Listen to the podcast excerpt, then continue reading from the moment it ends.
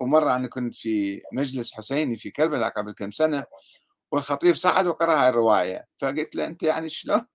هالرواية ما عرضتها على القرآن ما شفت شلون؟ قال لا أنا آه، قرأتها في كتاب بحار الأنوار وخلص قلت له بحار الأنوار هو يقول هالروايات مو كلها أنا أوثقها.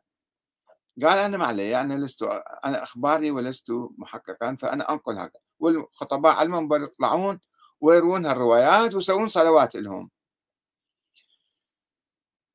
يقول هذا محمد بن سنان إن الله غضب على ملك من الملائكة يدعى فطرس بس الملائكة ما يعصون الله.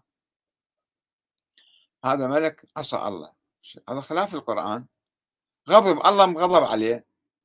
فدق جناحه وكسر جناحه ورمى به في جزيرة من جزائر جزائر البحر.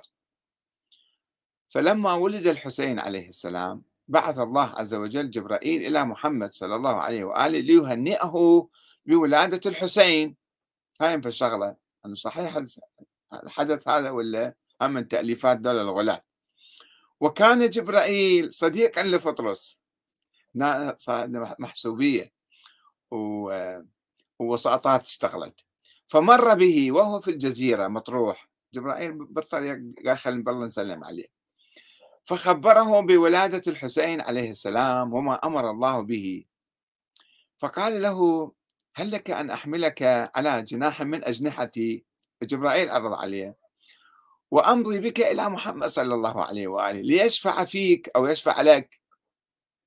قال فقال له فطرس نعم كيف هذا فطرس؟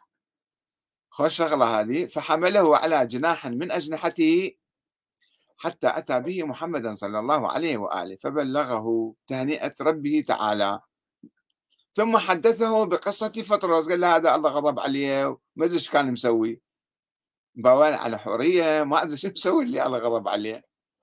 فقال محمد صلى الله عليه وآله لفطرس امسح جناحك على مهد الحسين وتمسح به جناح مكسور خطية ففعل ذلك فطرس فجبر الله جناحه ورده إلى منزله مع الملائكة.